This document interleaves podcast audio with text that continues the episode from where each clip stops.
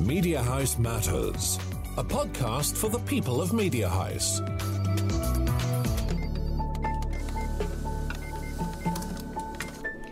Welkom bij Mediahuis Matters, de podcast voor alle Mediahuis-collega's. Dat zijn er 4335 in vier landen. 2130 in Nederland, 1200 in België, 255 in Luxemburg en 750 in Ierland. Wie zijn wij? Wat bindt ons? Kunnen we leren van elkaar? CEO Gert IJzenbaard gaat in deze podcast op zoek naar inspirerende verhalen. Samen met mij, Monique Snoeien, adjunct hoofdredacteur van NRC. Ik kan me vergissen, Gert, maar die uh, openingsjingle van daarnet, hè, daar zit volgens mij geen woord Vlaams bij. Nee, inderdaad. En dat uh, geeft ook wel een beetje de ambitie aan, denk ik, van de, van de groep. We zijn uh, een internationale groep geworden. Al zullen we, Monique, deze podcast toch uh, even nog alleen in het Nederlands doen. Maar het, het toont wel de ambitie om um, ofwel in de toekomst een stukje ook in het Engels te gaan doen, of wie weet zelfs een volledig Engelstalige podcast te maken. Want de collega's die je noemde in Ierland en Luxemburg, vrees ik dat die zullen hier niet zoveel aan hebben. Nee. Deze podcast is jouw idee. Uh, wat wil je ermee bereiken precies? Ik ben een diehard van, van podcasts, eerlijk gezegd, al jaren. Ja, het idee is, kijk, we zijn met Mediahuis, we zijn natuurlijk een bedrijf of een groep met, met, uh, dat bestaat uit verschillende entiteiten in verschillende landen, al die verschillende merken, die hebben een eigen dynamiek. Maar we proberen ook echt een soort mediahuis, cultuur, mediahuis gevoel uh, te creëren. Uitwisseling is heel belangrijk. We communiceren heel goed over de overnames die we doen of over onze resultaten. Maar er gebeurt zoveel interessant binnen de groep dat ik dacht, ja, laten we een manier vinden om, om daar meer over te vertellen. En dan lijkt me podcast een, uh, een heel goed idee, want we zitten toch al heel de dag voor het scherm. En dan is het misschien wel prettiger om eens het uh, op deze manier te doen. Oké. Misschien goed voor de luisteraars om te weten, wij zijn niet samen in één studio. Gert zit in Antwerpen. Waar ben je eigenlijk precies, Gert? Ja, ik ben hier in de studio van uh, Nostalgie uh, Energie, onze radiopoot eigenlijk, uh, in Antwerpen. En ik vind het wel fijn, het is ook een stukje van het experiment om te kijken hoe kunnen we dit. Hè? Jij in Amsterdam, ik in Antwerpen. Um, en straks als we dit gaan maken en met veel mensen praten binnen de groep, ja, het is wel fijn als we dit op afstand kunnen doen en ons niet elke keer moeten verplaatsen. Het is een beetje deel van het experiment van, die, van die, onze eerste podcast. Yes. From the House. In het hart van elke aflevering praten we met een gast. En we eindigen altijd met lees, kijk en luistertips. En we beginnen stevast met wat jou is opgevallen. Dat is eigenlijk de vraag. Wat, wat is jou deze maand opgevallen, Gert? Wel, enkele dingen die ik toch even wil, uh, wil vermelden. Al om te beginnen, iets waar ik heel fier op ben, is dat wij um, enkele weken terug ons eerste journalistiek jaarverslag hebben uh, gepubliceerd. Sommige van onze merken uh, hebben een, een, eigen jaarverslag, uiteraard, vanuit hun titel. Maar we hebben voor de eerste keer als mediahuis ook een journalistiek jaarverslag gemaakt. Nu maakten we al enkele jaren wel een, elk jaar een mooie brochure waarin we onze resultaten uitlegden, waarin wat we vertelden over onze digitale transformatie.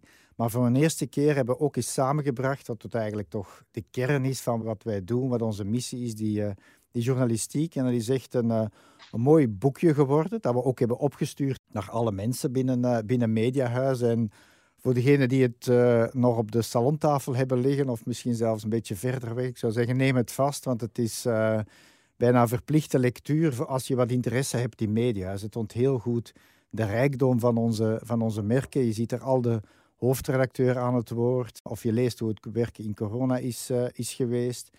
Dus die veelheid aan, aan, stemmen en merken die we hebben binnen de groep, ja, die vind je daar heel mooi in, in, in terug. Het is echt een, lezerswaardig uh, werk geworden.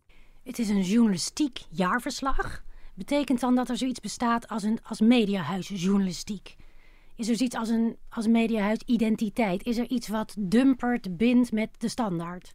Als er iets is wat ons bindt, dan is het dat het ons, uh, ons geloof in professionele journalistiek. Maar ik denk niet dat er zoiets is als één mediastem. Ik zou zeggen, in tegendeel, we staan net voor, uh, voor veelheid, voor pluriformiteit. Ik vind het heel mooi dat we al die verschillende merken in, uh, in, één, in één groep hebben. Dus net niet de bedoeling dat er een soort mediajournalistiek is. Het is wel de bedoeling dat we de passie delen voor professionele journalistiek. Heb je eigenlijk een lievelingskrant?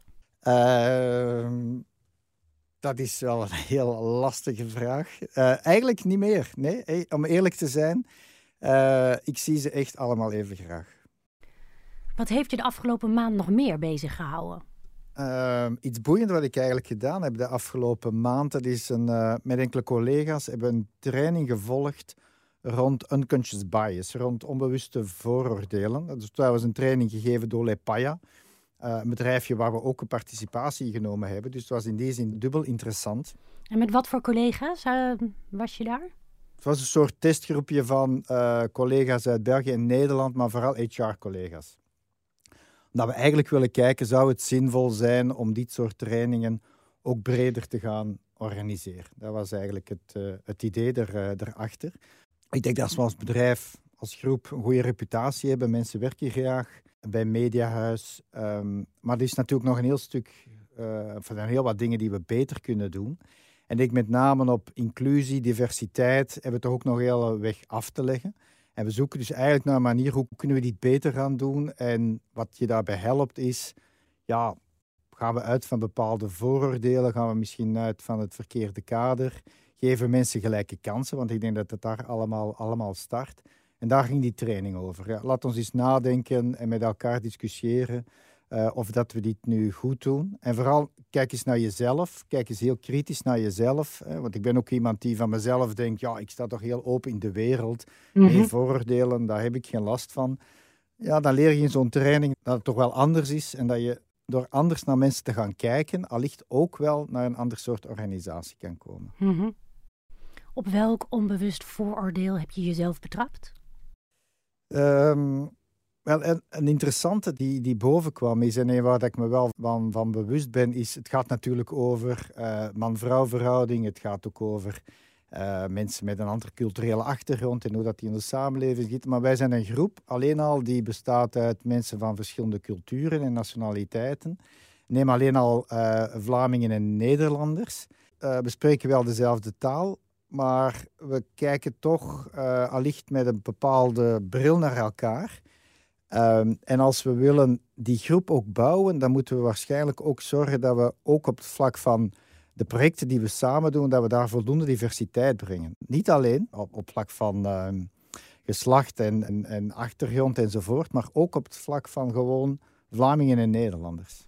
Wat is een vooroordeel wat je hebt over Nederlanders? Uh, dat is een goeie het is geen vooroordeel niet meer, het is een oordeel. En zelfs die ik zelf heb uh, leren waarderen. Ja, Nederlanders hebben meestal een grote mond op het eerste zicht. Uh, maar tegelijkertijd hechten ze toch veel sterk aan formaliteit. En dat is voor een Vlaming is dat soms uh, ingewikkeld om te begrijpen. En, en, als je dat niet doorhebt, dan word je daar wel eens door, door verrast. Nou heb ik even op de website zitten kijken naar de Raad van Bestuur van Mediahuis. Dat is een groep witte mannen.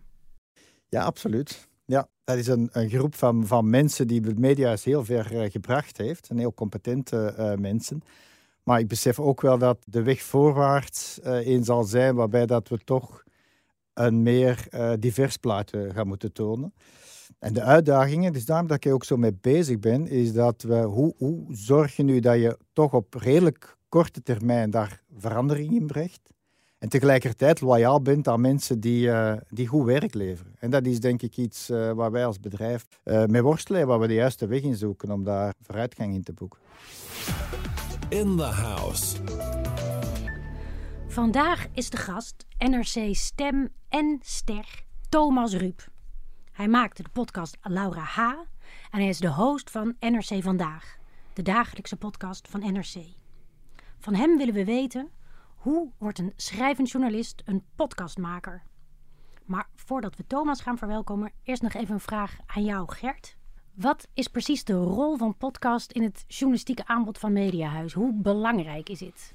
Um, ja, ik, het wordt altijd maar belangrijker. Ik zie podcast echt als een, uh, als een grote opportuniteit om, uh, om verschillende redenen. Om te beginnen blijkt het toch een uitstekende vorm aan journalistiek uh, te doen. We hebben intussen uh, veel ervaring op gedaan. En misschien zelfs eerder dan, dan video is podcast een uitstekende manier om, om verhalen te vertellen, om inzichten te leveren. Dus het is een, een heel mooie aanvulling op ons aanbod. En wat er ook zo interessant is, is dat we daarmee mensen kunnen bereiken op een moment wat voordien voor ons onbereikbaar was. Dus mensen moesten ofwel voor hun krant of voor hun scherm zitten. Maar eens dat ze in de wagen of op de fiets zaten of aan het hardlopen waren, dan konden we ze niet meer bereiken. En dat kunnen we nu wel. En we zijn sinds enkele jaren met, uh, met al onze mediatitels echt, mediatitels echt op, die, op die kar uh, gesprongen. Uh, we hebben ze eens even geteld. We hebben intussen met al onze merken al, al 80 verschillende podcasts. Sommige zijn dagelijks, dat is een beperkt aantal, wekelijks, andere zijn eenmalige reeksen. Maar we hebben nu echt dan een heel mooi aanbod en je ziet ook dat de kwaliteit al heel sterk verbeterd is. Dus we zijn echt grote stappen aan het maken. Vanaf de redactie van NRC het verhaal van vandaag. Mijn naam is Thomas Ruip. Thomas. Hi. Jouw naam is Thomas Ruip. Het is elke ochtend verrukkelijk wakker worden met je, met deze podcast. Ik vraag me eigenlijk af, word je herkend aan je stem op straat? Nou, ik, toevallig niet zo heel lang geleden uh, gebeurde me dat. Ik stond in een kledingwinkel en uh, gewoon met de verkoper te praten. En um, uh, ik verdwijn in het pashokje en hij praat door. En ineens zegt hij, hè? Wacht even, ik ken jouw stem ergens van. Doe jij die podcast? Dus op het moment dat hij me aankeek en ik sprak tegen hem, had hij het niet door. Maar zodra het gordijn dicht was gegaan en mij alleen hoorde, ineens dacht hij, wacht eventjes. Die ken ik ergens van. Gert, ben jij een uh, luisteraar van NRC Vandaag? Ja, absoluut. Uh, mijn dag begint, uh, of toch minstens als ik in de wagen ben of onderweg ben, altijd met onze dagelijkse podcast. We hebben er twee in de groep. We hebben de standaard en we hebben die van NRC. Dus ik ben absoluut een trouwe luisteraar en uh, de stem van Thomas klinkt me dus ongelooflijk bekend. Nou, goed begin dit. Ja, we zijn gewoon een beetje starstruck hier, Thomas. nou, nou. Jouw kennismaking met podcast was Laura H. Ja. Dat begon als een krantenartikel. Ja. Toen werd het een boek. Ja. En toen werd het een podcast. Had Ja. je dat van tevoren allemaal zo gepland? Nee, helemaal niet. Ik heb hier niks van gepland, zoals ik überhaupt eigenlijk veel te weinig in het leven plan.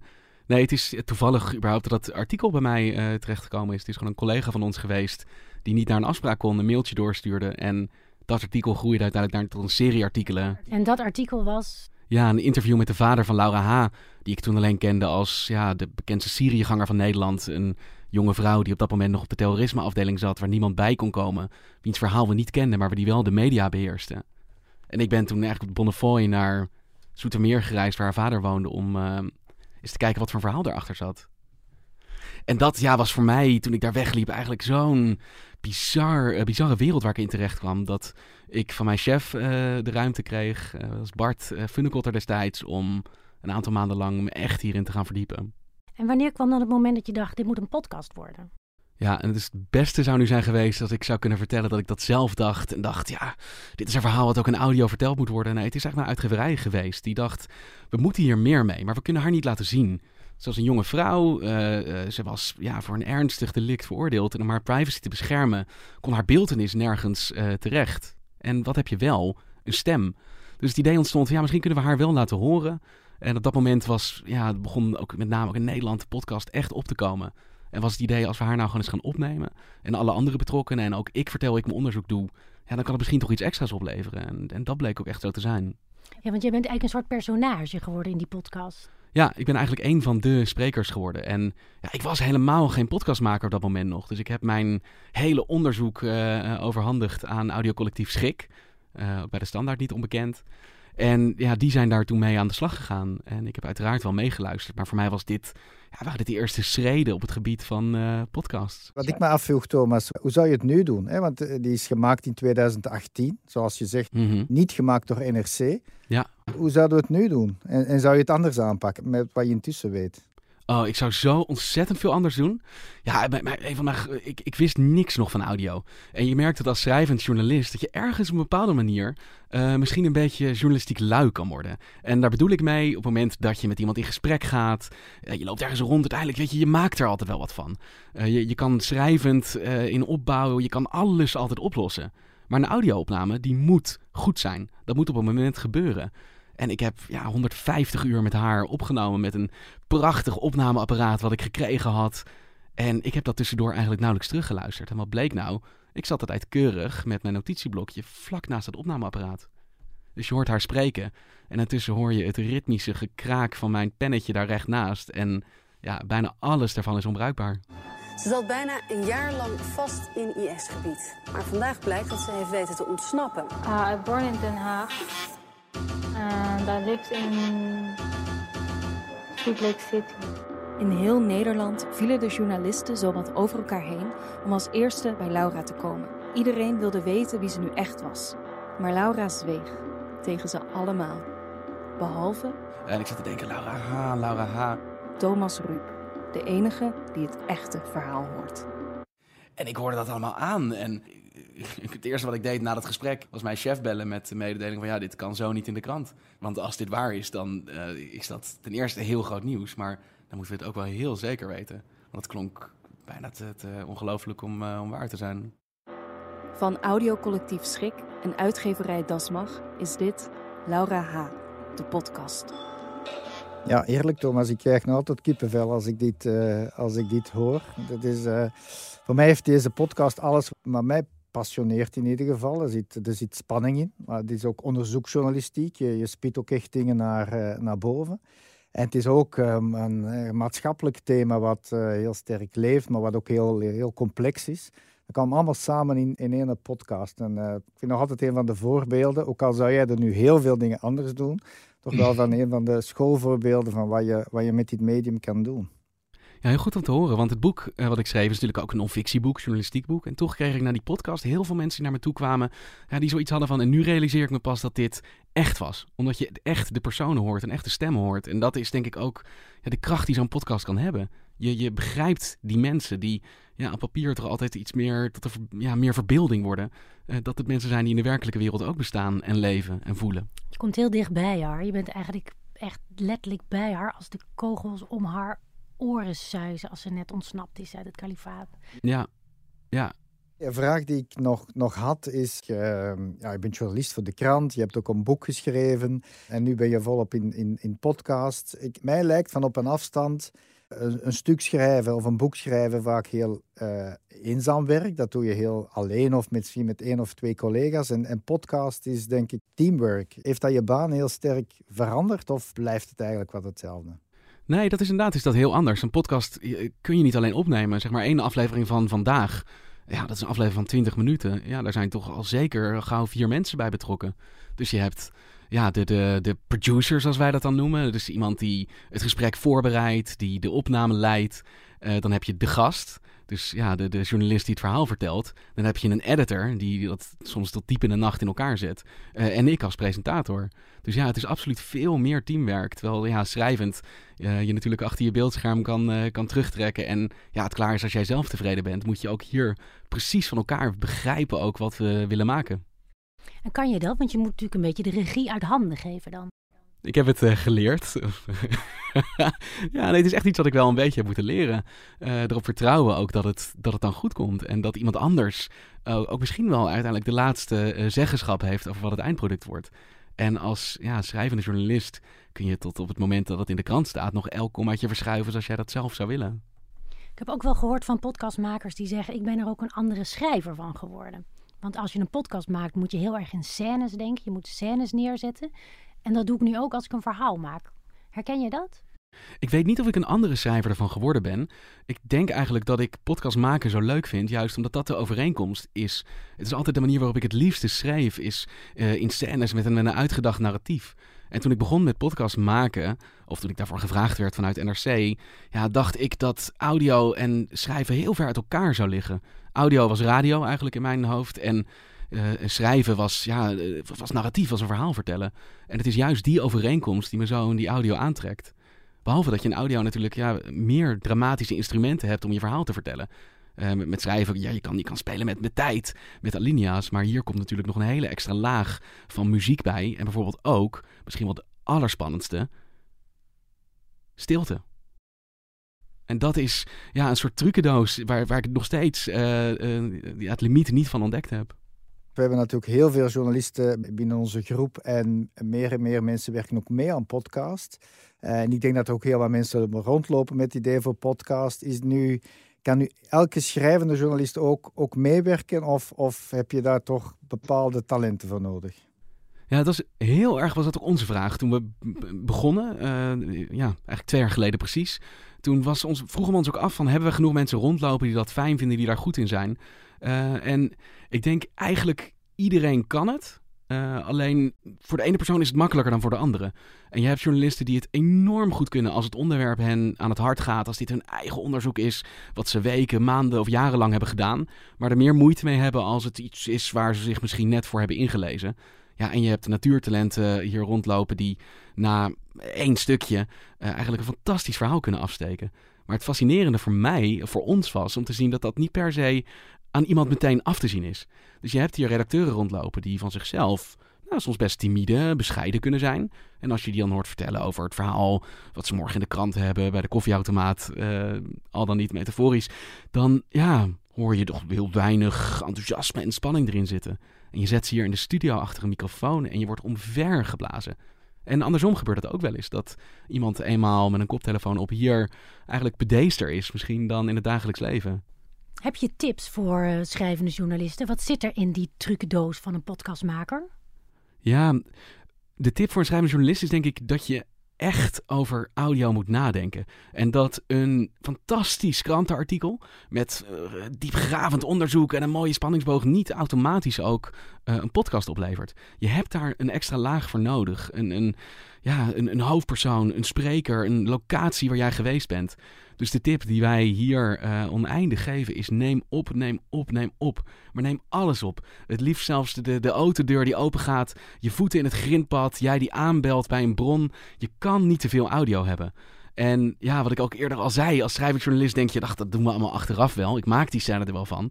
Nee, doe dat niet. En zet je over die schroom heen door gewoon heel vroeg uh, dat audio-opnameapparaat uit je zak te trekken. Gert, hoe ziet die podcastmarkt eruit? Ik ben soms wel een beetje bezorgd. Hoeveel kan een mens luisteren? Er wordt zoveel gemaakt. Ja, die podcastmarkt is enorm in beweging. En ja, tot, tot voor enkele jaren denk ik dat het uh, echt een niche-markt was. Eigenlijk ging het vooral over ja, radioprogramma's die je herluisterde via, via podcast. Die markt is echt geëxplodeerd. Maar ook het aantal mensen dat luistert is heel sterk toegenomen. NRC heeft net een eigen onderzoek gedaan. En daaruit blijkt dat in Nederland een derde van de Nederlanders regelmatig podcast luistert. Het is dus echt nee, uh, geen niche-medium niet meer. En wat vooral heel interessant is voor onze merken, want laten we eerlijk zijn, we zijn natuurlijk als, als traditionele kranten we, heel, zijn we heel sterk in zeg maar, de oudere leeftijdscategorie.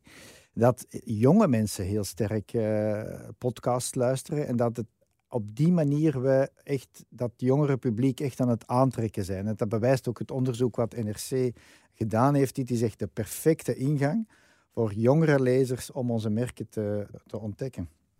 Kun je iets zeggen over de markt waarop uh, we opereren? Ja, wat we trachten te doen, ik, we, boeken echt vooruitgang op het maken van podcasts. Daar hadden we het over met, met Thomas. We kunnen het echt toch een stuk beter doen. Maar als je kijkt naar de podcasts die we maken, productioneel, dan boeken we echt vooruitgang. Ik denk echt dat we daar goed in zijn en nog beter in kunnen worden. Het vraagstuk is de distributie en de vermarkting, de monetisatie van, van, van podcasts. Tot dusver werd de podcast vooral beluisterd, of bijna uitsluitend beluisterd, op zeg maar, de grote platformen van Apple of Spotify of, of van, uh, van Google. Het probleem daar is dat wij nauwelijks, één, we hebben nauwelijks cijfers uh, over die beluisteringen. En we bereiken de mensen niet rechtstreeks. We weten niet wie ons luistert, hoe lang ze luisteren en we hebben ook geen relatie mee. Um, wat ook het model om dit, uh, als we dit echt willen groot maken, moeten we ook een, manier vinden om dit op de een of andere manier een zakelijk model uh, te krijgen. Tot dusver halen we een stukje uit, uit advertising, het verkopen van advertenties rond, uh, rond. Dat zal belangrijk blijven, maar dat zal nooit groot genoeg worden om dit substantieel deel van onze business te maken. Vandaar moeten we erin slagen om het ook binnen ons abonnementsaanbod te nemen. En dus echt dat je, je hebt een abonnement op een van onze titels en daar, daar, je hebt ook dat abonnement nodig om onze podcast te luisteren. Vandaar dat, ik, uh, dat we het initiatief genomen hebben. NRC heeft, uh, heeft het uh, afgetrapt, maar de Standaard heeft nu ook in Vlaanderen een eigen podcast-app. Een eigen app waarbinnen je naar die podcast luistert. Ehm, en dat heeft het enorme voordeel dat we data hebben van onze luisteraars. Dat we ook exclusief podcast kunnen voorbehouden enkel voor mensen die binnen onze app luisteren. Wat ook het perspectief geeft dat we op termijn dit aan abonnees kunnen gaan uh, voorbehouden. Um, en we lossen tegelijkertijd ook een, een probleem op dat veel podcastluisteraars uh, hebben. Dat is ja, welke podcast moet ik nu luisteren? Waar vind ik goede podcasts? En wat we slim gedaan hebben, is uh, niet enkel in die app onze eigen podcast gezet, maar ook ja, podcasts die aanbevolen worden door de redactie. Um, en zo creëer je echt een bestemming voor het luisteren van podcast en creëren we de mogelijkheid om op termijn ook die, uh, die vermarkting te gaan doen. Nou heb ik begrepen dat Apple en Spotify um, podcastmakers ook gaan aanbieden om een relatie met hun luisteraar aan te gaan. Ja, dat is heel boeiend. Dat is echt een ontwikkeling van de, van de afgelopen dagen. Zowel Apple als Spotify hebben aangekondigd dat zij um, podcastmakers de kans geven om ook uh, abonnementsformules aan te bieden. Dus je moet je echt abonneren en betalen om een bepaalde podcast te luisteren.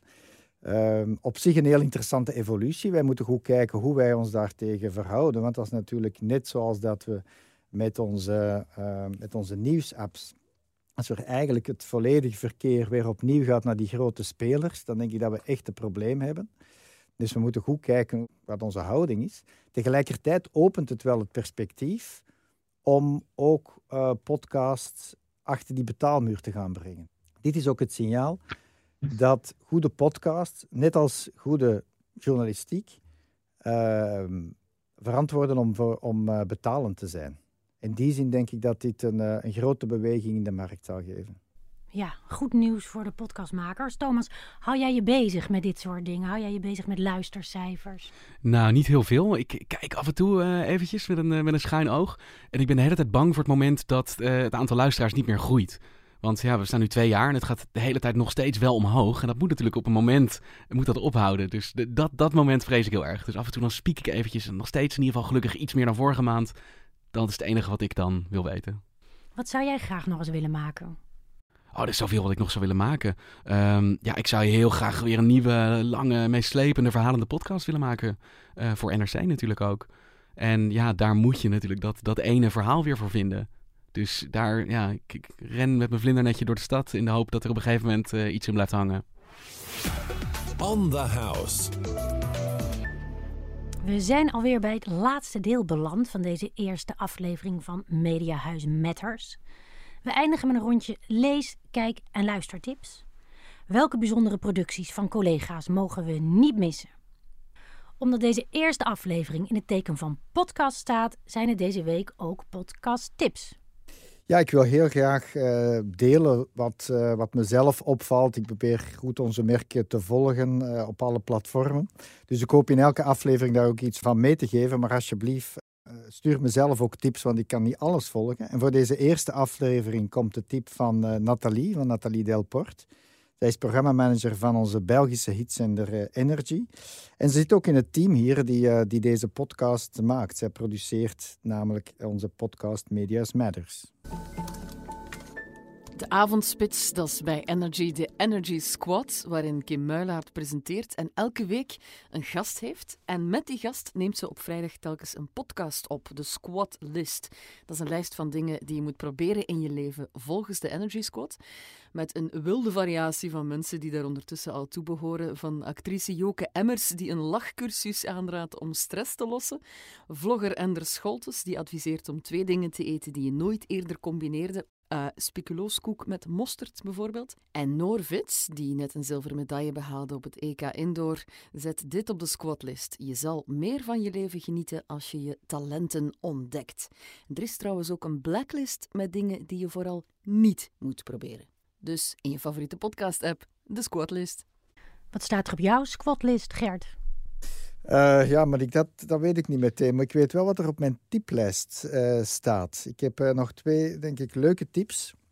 Ook uit de podcaststal van Mediahuis. En dat is ook wel best moeilijk als je weet dat we intussen zo'n 80 podcasts. Het is een beetje kiezen tussen, tussen je kinderen. Um, ik ben zelf een grote fan eigenlijk van alles wat true crime is. En we hebben, we hebben heel mooie true crime podcasts. Maar wat we ook doen, is uh, meer opinierende podcast. En wat ik fijn vind, is je, op die manier ontdek je ook wel de ziel van, van, van onze merken. Uh, en daarvoor heb ik nu twee tips. Eentje die ik al een tijdje volg, is het, het land van Weird Duck.